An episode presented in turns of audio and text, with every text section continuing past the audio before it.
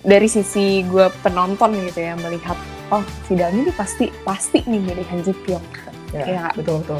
dari hal-hal yang sudah terjadi sebelumnya gitu ya si Han Ji Pyong ini udah menaruh perhatian untuk Dalmi sebenarnya gitu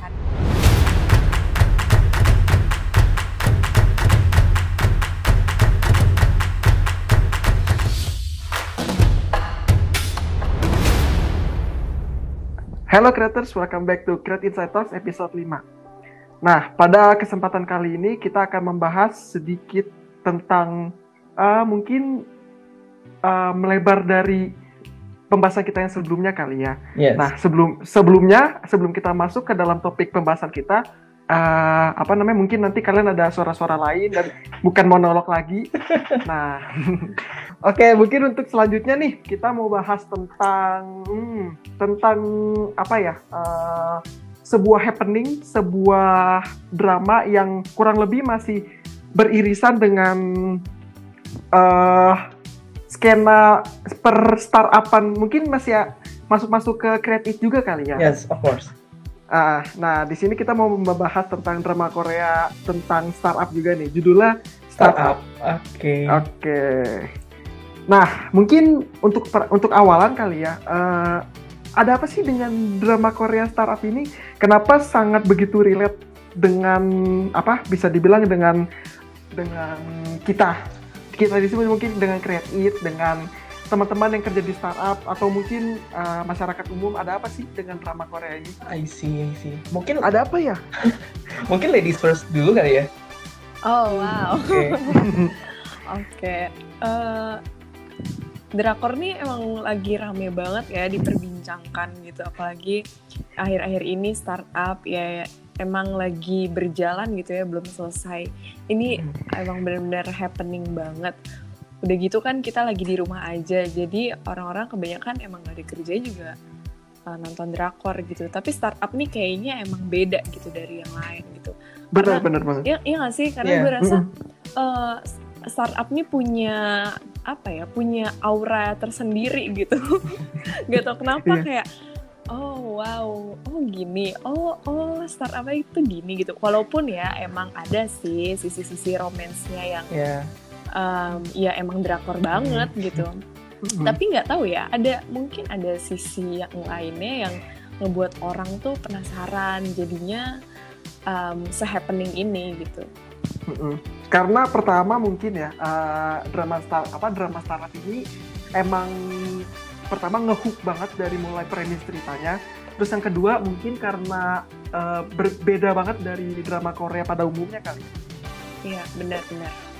Dan lagi happening juga sebenarnya startup. Itu sendiri kan sekarang orang-orang kayak kerja di startup, terus bikin startup dan sebagainya, you name it gitu. Masyarakat umum jadi ke-trigger juga gitu. Dan bicara sa- sorry maksudnya bicara k-drama juga bicara pop culture ya. Sekarang jadi budaya pop dan ini tahun 2020 lagi pandemi juga. Mungkin itu kayak semak- semacam icon gitu bahwa nanti misalkan 10 tahun ke depan bahwa ngingetin tahun 2020 berarti the time is start, startup lagi happening gitu secara industrinya juga mungkin kayak gitu sih kenapa uh, jadi hype juga karena ya momentum bener sih gitu dari industrinya mo- momentum terus dari si kondisi marketnya juga lagi momentum gitu lagi benar-benar bisa banyak leisure time ya kayak gitu sih kalau menurut gue Setuju sih, setuju, setuju. Mm-mm. Kayaknya kira-kira setelah The Drakor ini apakah akan bermunculan startup-startup baru? Pastinya sih kayaknya ya. trigger sih. Soalnya kan orang Indonesia itu kan latah kan. ya FOMO. itu salah satu faktornya FOMO banget. oh, oke Nah, berbicara tadi kita udah startup, terus mungkin gue mau menyinggung tentang ini kali ya, apa eh, karakter-karakternya yang not apa bisa dibilang unik Ya. gitu karakter-karakternya. Mungkin eh, teman-teman di sini udah ada yang mungkin debat, kamu tim mana? Kamu tim Namdosan atau kamu tim Han Ji Pyong? Waduh, Nah. waduh, ini seru deh, ini seru banget Seru. nih, gue suka nih. Nah, mungkin sebelum kita ke pembahasan lebih lanjut, mau nanya dong ke siapa dulu ya? Ke Vina deh. Yep. Namdosan apa tim Han Ji Pyong? Wah, kalau gue sih dari sisi perempuan ya, dari sisi perempuan, sisi kayak percintaannya tuh pastinya Han Ji Pyong Aduh. sih kalau gue. kenapa tuh? Kenapa tuh? Nggak tahu ya, Han Ji Pyong tuh kayak guardian angel gitu loh sandboxnya lah ya sandboxnya iya dan dia tuh Mm-mm. ya baik gitu ya ya ini klise sih baik Iya. gitu walaupun sebenarnya baiknya tuh nggak di depan ya dia tuh kayak diem-diem tuh menyelamatkan si eh, startupnya itu gitu Iya. si apa apa ya namanya namanya apa sih Sam Santek. eh, nah Samsantek gitu Heeh. dia menyelamatkan itu eh, secara perlahan secara tidak langsung ya kalau di depannya si Dalmi tuh dia ya eh, membantu banget gitu loh gitu sih jadi gue suka caranya dia ngetreat si em, usahanya Dalmi Hmm. ngetreat si Dalminya juga gitu dan juga perilakunya dia ke si nenek ini gitu. Overall semuanya gue suka sih. Itu kenapa? Ini perlu dikasih alasan juga nggak kenapa gue nggak suka eh, bukan gak suka sih Boleh. kurang ke si Nam Boleh, Dosan. boleh. oke boleh. Kalau menurut gue pribadi Nam Dosan itu belum mempunyai sifat atau karakter yang oke ini gue gitu. Si agak lembek lah istilahnya. Kalau bisa- kalau gue bisa bilang tuh agak kayak gitu. Terus rada-rada gimana ya aduh kok lu nangis lagi sih gitu kalau gue tuh liatnya jadi kayak lebih melihat kejentelannya si Han Ji Pyong gitu Mungkin Itu karena sih, Nam gue. Dosan masih ini kali ya, baru lulus kuliah, terus juga perbedaan usia juga Iya. berpengaruh juga kali ya. masih 20-an ya Kalau dari nah iya bisa Rea jadi gimana? oke dari gue sih sebetulnya nggak boleh ini ya tim Chulsan atau Yongsan ya Oh boleh dong. boleh dong.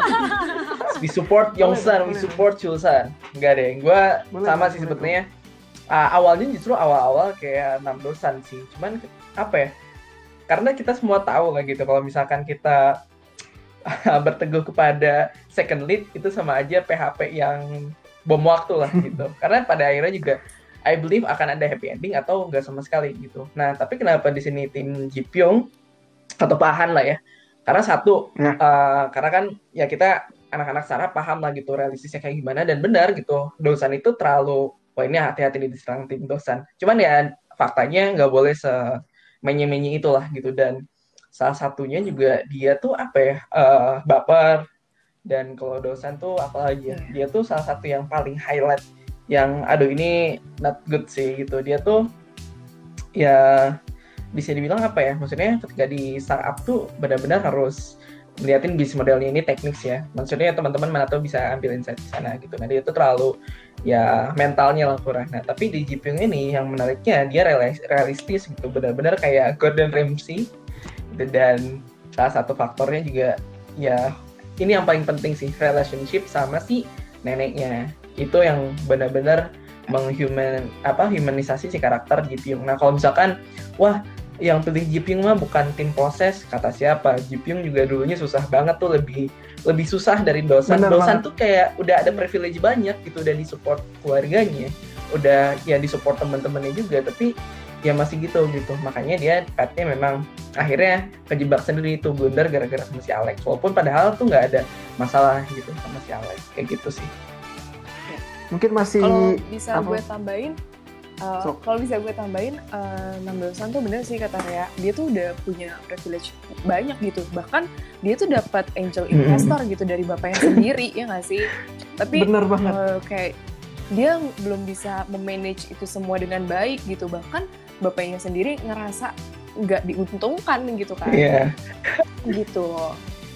Tapi ada satu waktu yang, yang lucu banget sih Eh, ada dua sebelum Apa tuh? yang pertama yang waktu gue paling suka nih adegan Jipyong yang lu harus membuktikan minimal secuil ya kan nah itu emang real banget gitu Iya. itu kejadian banget gue kenal banget sama sarap-sarap yang terlalu ya tanda kutip idealis ya growth-nya akan kesusul sama yang realistis gitu yang bisa membuktikan ya kasarnya Karena yang kedua Hmm. tuh adegan ini itu kan positifnya nah ini juga positif sebenarnya yang kayak si kalau nggak salah tuh si bapaknya si Nam Dosan per apa namanya ke sandbox itu kan kayak semacam interrupt Hmm. terus pas pulang tuh ngobrol sama istrinya sama ibunya Dosan terus eh, apa namanya iya nih si apa Dalmi emang cocok jadi CEO katanya terus si yang dia. Nah itu membuktikan bahwa sebetulnya ya anaknya tuh nggak harus selalu jadi yang gimana kok gitu makanya mungkin kayak adanya Dalmi di sini membantu si Dosan gitu. Justru si Jepyong itu sebagai sandboxnya si Dalmi Nah dosan, nah si Dalmi sebagai sandboxnya si dosan itu sendiri gitu. Ya circle lah, di situ ada circle yang menariknya justru di situ sih. Begitu kalau dari gue. Uh, Iya. menarik ya pembahasannya. Gue juga gue juga lihat dari sisi Nandosan, terus lihat bagaimana dia diperlakuin sama keluarganya. Tipikal orang Indonesia banget nggak sih? Maksudnya kayak pasti mungkin tidak Mm-mm. semua, beberapa mungkin kayak uh, harus ngikutin kemauan Yes, orang tuanya, uh. ya kan? Kayak gitu.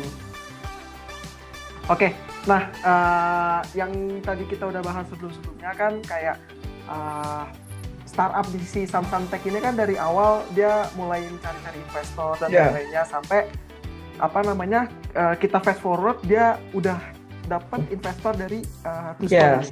Nah kalau kalau di real case itu seperti apa sih? Apakah semulus itu nggak sih? Hmm, oke. Mungkin uh, di sini gue dari perspektif ini aja kali ya. Maksudnya ada, let's say create it lah gitu. Nah, atau enggak teman-teman di create it lah gitu. Maksudnya banyak banget kan. Apa namanya teman-teman kita di inkubator dan sebagainya.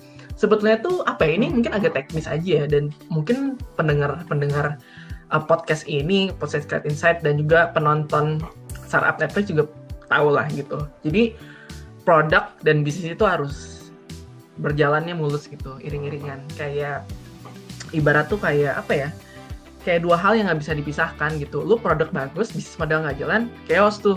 Bisnis modelnya bagus tapi produknya ya so-so itu sebenarnya masih bisa. Kayak gitu. Nah makanya bicara growth sih tergantung gitu. Jadi untuk si Samsung Tech ini juga sebenarnya kan dia kalau kita lihat latar belakang tuh susah tuh dua tahun. Bayangin dua tahun nggak ada yang lirik karena bisnis modelnya nggak works gitu dan mereka juga nggak ada anak marketingnya lah ya kasarnya kayak gitu. Dan nggak nggak ada distribusi lah ya, bukan marketing bahkan. Gitu. Jadi mereka cuma develop develop siapa yang mau beli juga gitu. Karena mereka nggak tahu cara ngejualnya. Kayak gitu. Nah datanglah Dalmi di tahun ketiga berarti ya menuju tahun kedua gitu nggak salah. Nah Ya, udah itu dia uh, growing fast gitu. Makanya in the uh, right time in the right place aja gitu. Nah dia nemuin inkubator yang tepat intinya tuh dan ikut kompetisi ya gitu. Mungkin yang pendengar-pendengar di sini Iya. mau mulai startup atau memulai apa pun mungkin bisa dicoba validasinya dengan ikut kompetisi gitu. Karena kreatif pun awalnya juga ikut-ikut kompetisi. Dan akhirnya kenapa bisa ke beberapa inkubator dan program akselerator juga itu. Itu kuncinya sebenarnya di sana sih lebih ke gimana cari apa place yang tepat gitu. Karena at the end of the day sih si inkubator tuh wadah untuk kita menemukan mentor gitu kayak Pahan terus kayak ya angel investor kayak si apa si Alex dari tuh S2SO itulah gitu. Hmm, 2SO ya. Gitu Pak. Nah, kira-kira ada ini nggak sih eh, one on one tipsnya gitu. Misalnya kayak wah kreatif nih eh, bisa dibilang kan alhamdulillahnya udah mulai Iya, berkembang iya. nih ya kan. Nah pasti kan eh, di luar sana ada yang aduh eh, kayak ada yang ibaratnya kayak aduh gue pengen kayak kreatif nih kira-kira ada nggak sih tipsnya gitu. Wow, aduh berat ya jadi pertanyaan. Cuman ini sih, gua ini dari perspektif apa ya? Bukan dari perspektif kreatif aja sebenarnya. Jadi da- dari perspektif senior senior mentor gitu. Ini udah merangkap ke Boleh, ini ya, maksudnya micro ekosistem gitu. Di mana pun kalian yang pendengar mau Jakarta, Bandung, nah, karena kita pernah di accelerate di Jakarta juga gitu di BSD, di Bandung juga di inkubator lah gitu. Nah ada node yang apa yang tipsnya lah ya. Simple tipsnya mungkin kayak kalau misalnya oke gue mau jadi next Samsung Tech dan mau masuk ke sandbox sandboxnya di Indonesia nih. Karena banyak banget atau mention kayak dari government sampai swasta tuh ada sampai institusi juga ada. Kita juga berawal dari institusi kampus ya kan?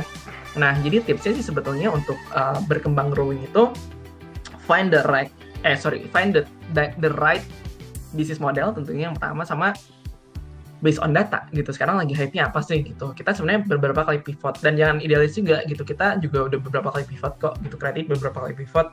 Sampai akhirnya ya udah jadi edutech. Kenapa? Karena education is growing gitu. Apalagi pandemi ini kan semua apa namanya ya kita ngejawab tantangan pandemi juga kan. Kayak gitu orang kerja susah dan sebagainya gitu. Kalau dari segi kreatif kalau yang dari segi lain juga ada yang lebih keren lah gitu. Fast growing juga itu ada salah satu startup di Jakarta juga tuh uh, stipe gitu sama kita. Cuman growingnya cepat. Karena sign resource juga uh, apa ya bisa dibilang agilnya itu sendiri gitu. Karena pada akhirnya yang si di mana kita bisa capai goal tertentu gitu. Ibarat sekarang kita dengar namanya agile agile agile. Gesit kan berarti. Nah itu aja intinya harus gerocep sih. Makanya si apa si timnya siapa sih? Inje ya? Inje Company juga mereka startnya Hmm, nggak lebih awal dari ini kan Samsung Tech tapi ketika ada peluang Hmm. karena privilege juga sih ya kan si Injay-nya juga pernah apa namanya mantan orang ter- terpandang juga Ada pengalaman. Ada pengalaman. juga. resource cuan yang cepat ya udah gaspol gitu jadi kalau ngikutin meme yang akhir-akhir ini ini tau gak sih yang kayak pelang di pinggir jalan hahaha kurang cepat Yang mana tuh?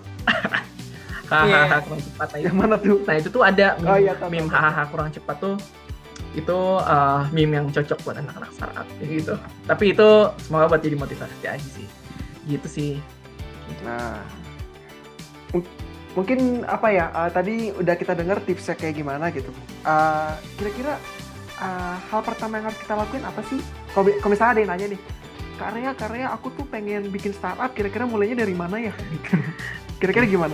tapi gue di sini ini sih kita kan ini lagi sharing startup cuman the point is kalau misalkan lu lihat Mm-mm. dari yang pendengar juga lihat dari kita sama startup ya bukan mulai aja dulu konsisten aja dulu gitu karena ketika konsisten itu nanti ngeliat peluang gitu dan jangan takut gitu karena banyak banget peluangnya sih sebetulnya kalau dilihat ketika peluang A gagal ya peluang B bisa lebih jauh lebih sukses gitu peluang C bisa gagal jauh lebih jatuh tapi peluang D akan jauh jauh jauh lebih sukses kayak gitu rumus sederhananya Tuh, lihat aja contohnya kayak si Super harus- sekali. si Dan Sedali harus kan konsisten sih bener ya. banget konsisten kayak gitu Mm, bener banget Soalnya harus banyak konsisten. banyak yang gue lihat juga ya di luaran sana nih di luar Create It gitu ya. Banyak banyak banget uh, startup startup yang baru gitu yang mereka kayak ya udah mulai dulu tapi mereka tuh stuck di situ-situ aja karena nggak konsisten itu sendiri gitu. Gitu. Iya sih salah satu faktornya. Salah satunya itu si konsistensi gitu. Jadi emang karena di sih apa cedera startup tuh diliatin gitu loh pas kerjanya bergadangnya itu kayak oke ini kayak startupnya apa cederamanya menarik nih ngeliatin orang kerja gitu tapi untungnya kayak dari segi kreatif ya kita bahas segi kreatif dikit gitu kayak desain produksinya terus kayak shot-shotnya itu tuh kayak mendukung banget ya kan kalau salah aja misalnya desain produksinya kurang bagus terus si shot-shotnya si DOP-nya kurang bisa tuh itu akan busy banget sih kayaknya begitu Iya.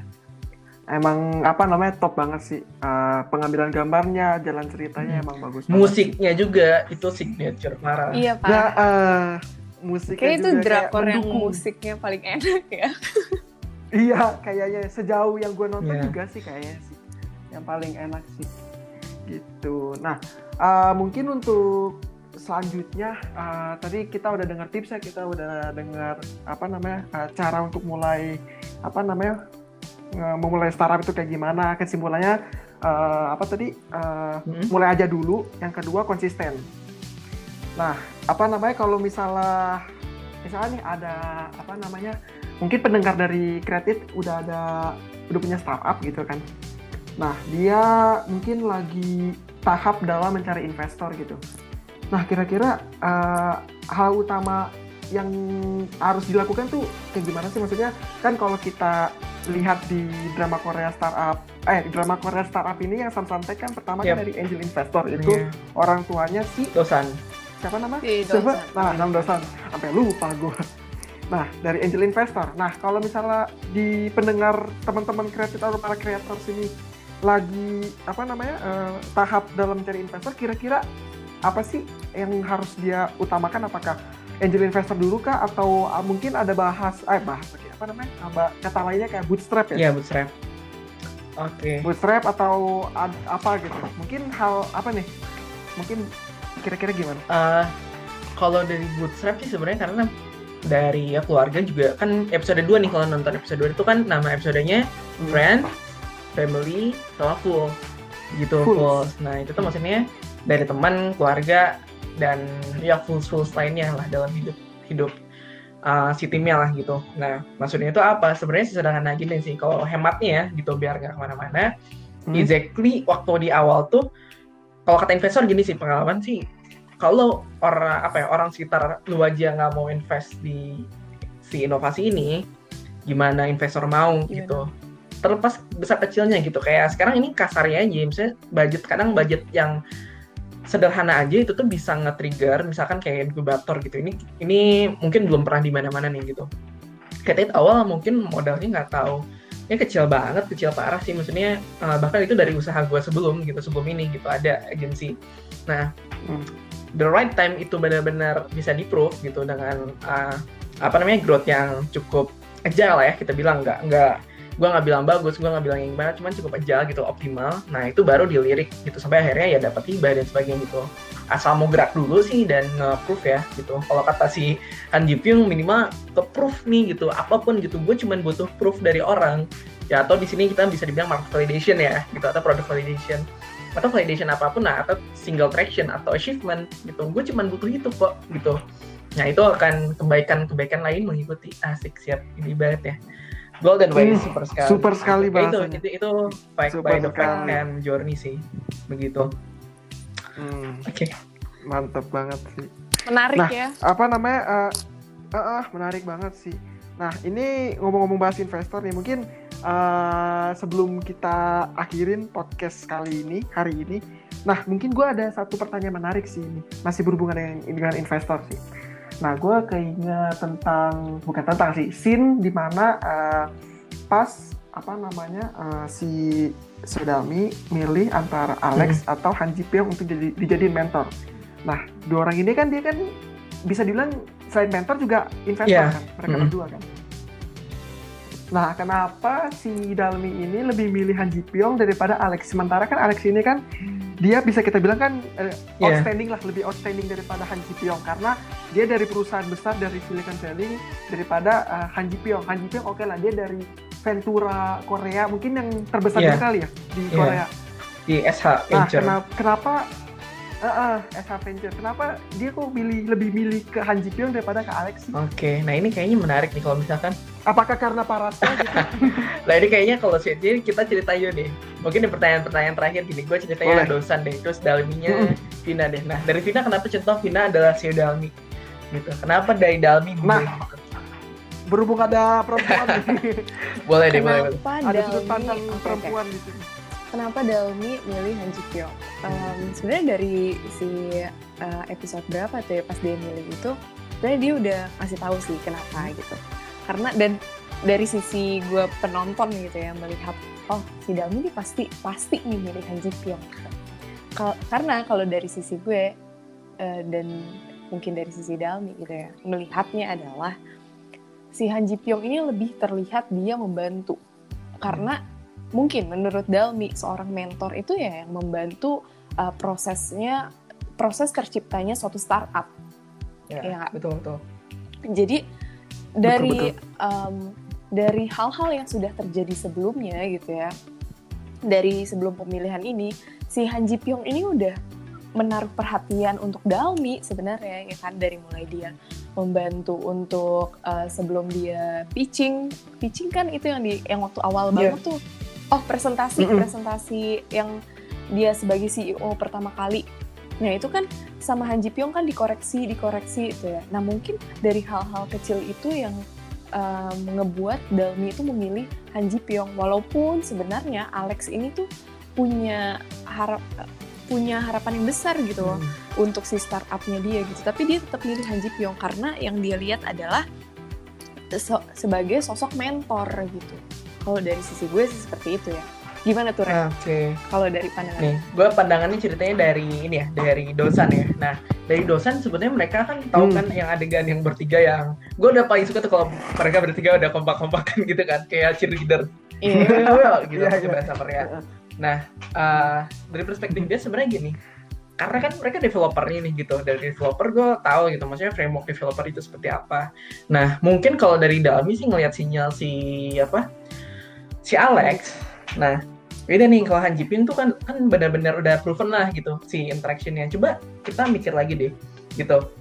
Kalau Alex tuh charmnya tuh ketika dia ngamuji si trio developernya gitu. Ngerti ngeliat kan kayak dari awal dia senyum ngeliat yang apa yang company profile yang apa yang we, we make a lot of money yang itu kan yang viral itu kan di TV. Nah, Iya. dari sana kan udah kayak Money, money, money, money. gitu.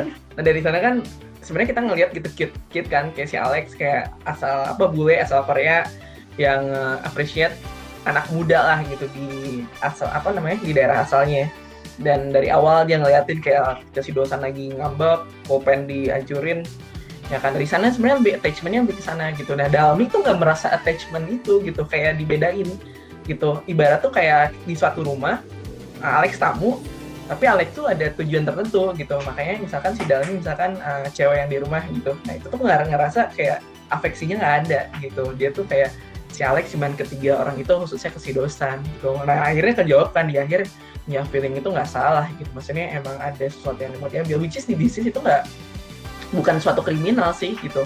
Benar gitu ketika si tahu kan ini adegan berantem tuh di episode 11 eh 12 sih 11 ya? Oh iya. kan berantem tuh kan ceritanya. Eh Terus 12 tuh 12 gitu. berantem terus kata Iya, uh, kata 12. Jipyong nggak ada nggak ada masalah sih ketika lo diakuisisi sih. Lo paling bubar aja gitu. Nah kalau misalkan dilihat sebenarnya uh, si Alex ini ya dia emang butuh si developernya. Tapi kalau misalkan kita mikir jernih sebenarnya Alex juga bisa jadi. Dia adalah salah satu mentor yang pas. Cuman dia nggak nggak into Dalmi dan si desainer yang satu lagi gitu. Dia emang punya tujuan tertentu gitu. Mungkin kayak gitu sih kalau dari perspektif dosan ya. Dari perspektif dosan ya udah gue uh, kerja dulu nih gitu. Baru next ketika udah jadi. Nah ini episode 13 nih nanti nih ketika episode Wah. 13 ada udah dia di Sultan kan bisa aja bikin startup lagi kan yang apa? Wow, Tahu kan di episode 11 12 gitu kalau salah. Mereka ngomongin ide baru kan. Apalagi nih inovasinya setelah dari Silicon Valley nah itu mungkin di teasing sampai nanti akhirnya di episode terakhir ya dua episode terakhir lah mungkin di develop startup yang jadi yang itu gitu. Karena secara produk ya ini ini aja mungkin ah, tambahan perspektif aja karena tuh biasa itu tuh biasa bukan biasa sih. Maksudnya ah, sekarang tuh lumrah gitu di dunia startup yang jadi kayak gitu. Gitu makanya nanti pamungkasnya di, di akhir tuh yang advance banget yang mobil ya teknologi AI buat mobil. Nah itu feature banget. Hmm. sesuai lagunya yang feature kan ada ya gitu. enak banget. Yoi. Ada ada yang gitu sih kalau dari kita kami. Ya gitu gitu. Kalau dari sudut pandang gue mungkin gue lebih dukung eh lebih dari sudut pandang ini sih Ilsan sih. Gue cuma bisa kasih semangat boleh boleh Eh, dari sudut pandang Ilsan. eh apa ya? Oke, untuk apa tadi kita udah apa? Udah bahas tentang eh, proses Dalmi mencari mentor, kita udah bahas tentang apa namanya? Sebenarnya eh, masih banyak lagi ya tentang drama startup ini kali ya. Nah, mungkin untuk penutup nih kira-kira eh, apa sih yang bisa kita dapat gitu? Bahasanya tuh kayak pelajaran penting ya, Oke. pelajaran penting. nah, pelajaran penting yang kita dapat nih bu- dari drama Apa nih, Vin? startup ini apa sih? apa ya? Nah, kalau dari gue sih pelajaran pentingnya itu tentang how to build your startup sih yes dan how to get your investor gitu. Jadi em, ya kita tuh bisa ngeliat gitu loh secara visualisasinya dari si drama ini. Oh, gam- ada gambarannya lah istilahnya gitu. Oh, ternyata eh, bangun startup tuh begini ya, begini ya. Prosesnya tuh seperti ini ya, yang- nggak mudah gitu loh. Nah, kalau dari sisi gue melihatnya sih seperti itu. Tapi kalau dari masalah teknisnya dan lain sebagainya gue serahin karena gimana tuh? kalau dari Ntar lu sebelum sebelum dari sebelum masuk Rea nih, gua gua gua, gua mau mau apa sih? Mau ngasih Tambahan, tambahan. sedikit Siap. apa namanya? pandangan gua gitu. oh enggak dong, Karena kan Rea kan pasti panjang kan. nah, mungkin kalau dari Oke, mungkin kalau dari gua ya. Kalau dari gua mungkin pelajaran yang bisa kita ambil mungkin gue di luar dari tadi kan Vina kan how to build the startup ya. Kalau gue mungkin dari sisi eksternalnya kayak eh, pertemanan kita ngelihat kayak eh, pertemanan di sini tuh seperti apa gitu. Terus habis itu hubungan antara orang tua dengan anak karena kan kita lihat kan hubungan orang tua perbandingan si apa namanya uh, Woninje sama mamahnya daripada si Delmi. siapa namanya eh, adiknya siapa sih kok Dalmi, jadi Dalmi, Dalmi, gue gue Dalmi, tiba-tiba amnesia gini Dalmi. Iya. Dalmi sama neneknya kan maksudnya kan timpang Benar-benar. banget kan nah mungkin dari keluarganya itu mungkin dari gue sudut pandangnya seperti itu sih nah mungkin kalau Oh, gua dari lempar gue sebetulnya gimana? simple. Ini semua bicara tentang inkubator sandbox ya. Kalau dari ayahnya ya kan, karena kan sandbox terinspirasi dari ayahnya. Ayahnya terinspirasi dari si ya kegiatan si dosan, eh dosan lagi si Dalmi. Dalmi. lagi. Di apa di ayunan gitu. It's all about talking about ekosistem startup gitu. Cuman memang drama ini dibalut sama romance gitu karena kan beat yang paling seru gitu market ya romance gitu. Jadi orang mau nonton tapi teredukasi juga. Gue senangnya di situ. Jadi emang ada pro kontra sih gitu. Beberapa teman-teman di ekosistem startup bilang, ah ini mah mana belajar startupnya? Ya emang gitu. Karena kan ini audiensnya buat target luas gitu. Untuk mengedukasi satu masyarakat gitu satu society ya harus sama yang udah familiar gitu. Karena kalau yang berat-berat banget nanti jatuhnya niche. Nah kalau yang niche itu ada uh, series rekomendasi. Kayak contohnya Silicon Valley itu seriesnya HBO itu benar-benar teknikal banget gitu. Jadi ada ini dikit aja sih kayak kalau ini kan nama app-nya ini kan Samsung Tech. Kalau itu namanya Pied, Pied Piper gitu nggak salah.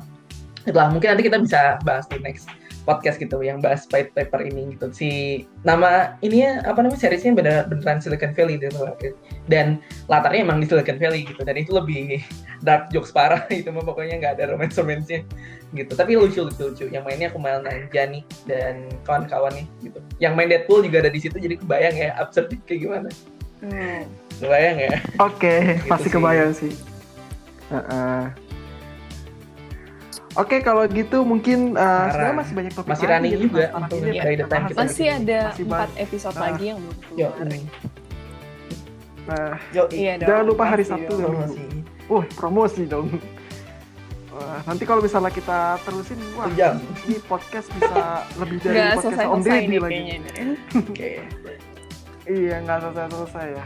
Mungkin, oke, okay, mungkin sekian dari apa sure. Inside Talks episode 5 kali ini. Semoga kreator bisa mengambil manfaat dari podcast kita kali ini.